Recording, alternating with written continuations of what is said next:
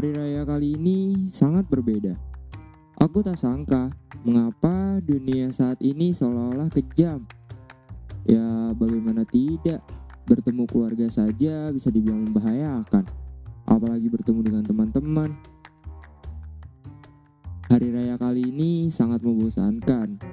Aku sulit untuk mendapatkan kesenangan yang seharusnya ada di setiap tahunnya, seperti berbaris dengan saudara untuk mendapatkan THR.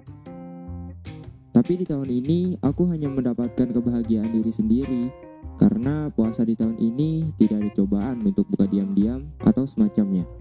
Haha, dasar remaja.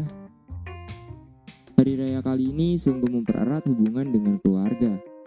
Ya walaupun tidak dengan saudara-saudara di luar sana. Sesuap opor ayam dan rendang serta juga ketupat di pagi hari sangatlah indah. Bersyukur karena di tahun ini masih bisa menyeduh ketupat beserta kawan-kawannya. Jadi, apa pun kondisinya, kita harus tetap harus mensyukuri apa yang ada ya. Rencana Tuhan adalah rencana yang terbaik.